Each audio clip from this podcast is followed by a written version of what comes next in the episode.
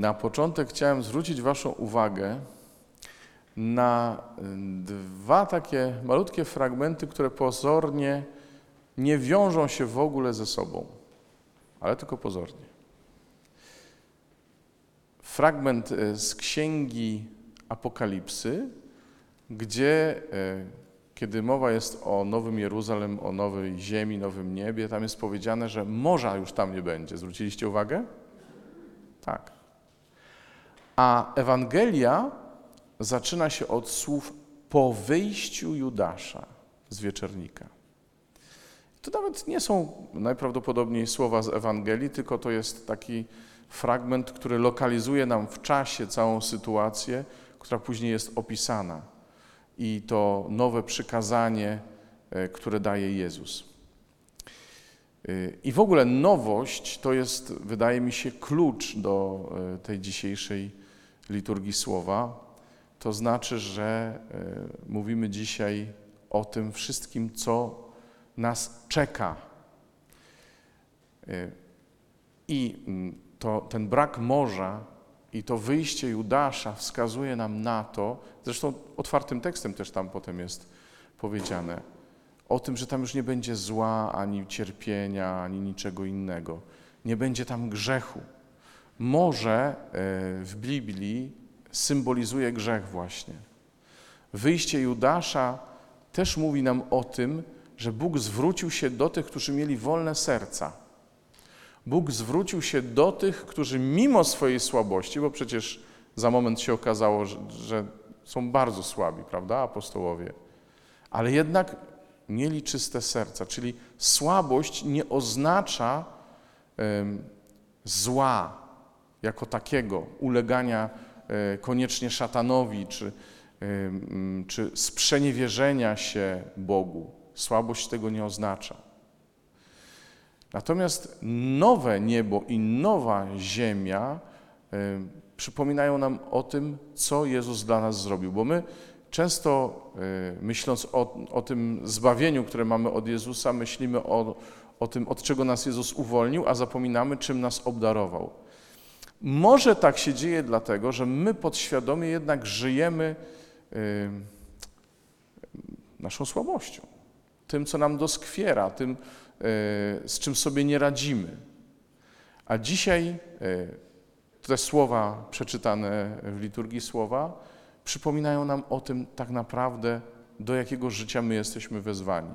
Amen? Bo jesteśmy wezwani do tego nowego nieba i do tej nowej ziemi. Jesteśmy wezwani do rzeczy, które nas przerastają. I o tym mamy pamiętać. I kiedy y, mówię tak, to nie mam na myśli, że tylko o tym mamy pamiętać. Zresztą sprawy doczesne, ziemia, halo, ziemia, prawda, baza, y, nie da o sobie zapomnieć i, i święty Paweł, właściwie nie święty Paweł, tylko autor dziejów apostolskich, czyli święty Łukasz, ale w, każdym razie Paweł i Barnaba e, mówili właśnie o tym, że e, przez wiele ucisków musimy przejść, żeby dostać się do Królestwa Niebieskiego.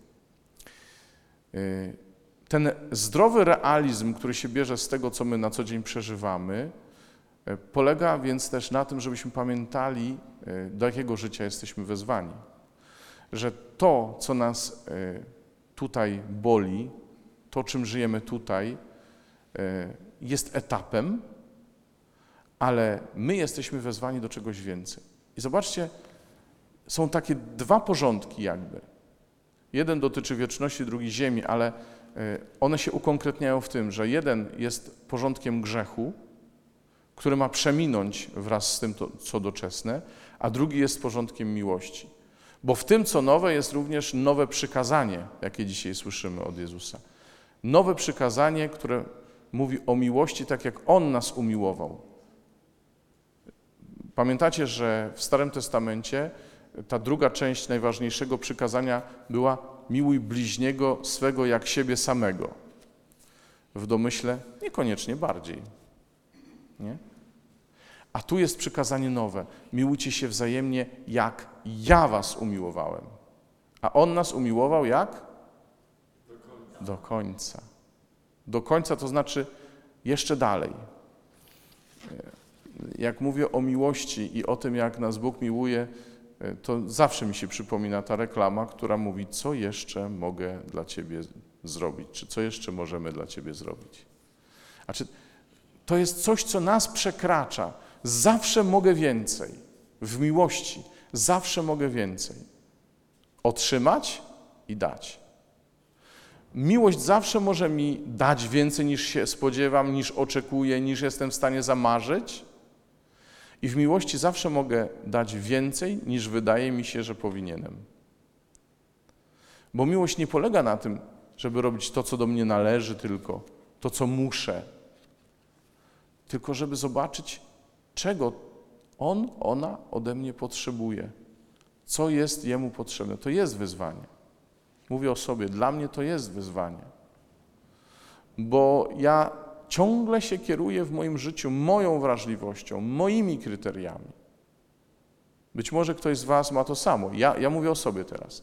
Ja ciągle nie potrafię się oderwać od tego, żeby oceniać y, życie, sytuację. Już nie chcę powiedzieć ludzi, bo ludzi w ogóle nie powinienem oceniać, ale wszystko, co jest naokoło mnie, w oparciu o moje kryteria.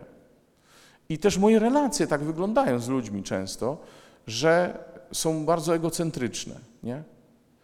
Y, ale to jest logika tego świata, niestety. To jest logika przemijająca, logika, której już nie będzie w Królestwie Niebieskim. W Królestwie Niebieskim będzie obowiązywać logika, y, czego Ty potrzebujesz. To Ci dam, to Ci chcę dać. Nie?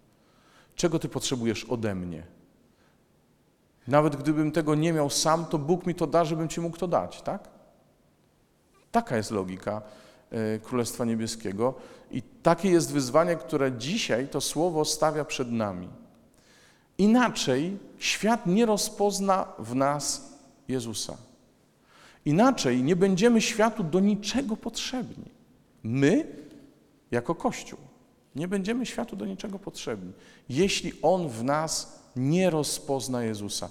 Jeśli niebo nie będzie się przez nas uśmiechać do świata.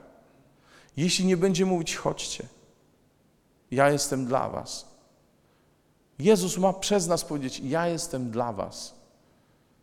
Ja Was kocham do końca. Tego nikt nie zobaczy, jeśli nie zobaczy tego w nas. To jest wyzwanie. Ja wiem i pierwszy się podpisuję przed tym, że nie jest to łatwe e, ze względu na moją słabość, na moje ograniczenia. Ale z drugiej strony, ile ja dostaję? E, I to jest już ostatnia rzecz, którą Wam chcę powiedzieć. Żeby to, co nowe, rozgościło się e, w naszym życiu, słuchajcie, to musimy być wdzięczni. Bo wdzięczność, to musimy tak trochę brzmi, nie? Ale ja tam się z niego nie wycofuję. Musimy być wdzięczni, bo w przeciwnym razie w ogóle przestaniemy pamiętać, że miłość Boga do nas przekracza nasze najśmielsze marzenia.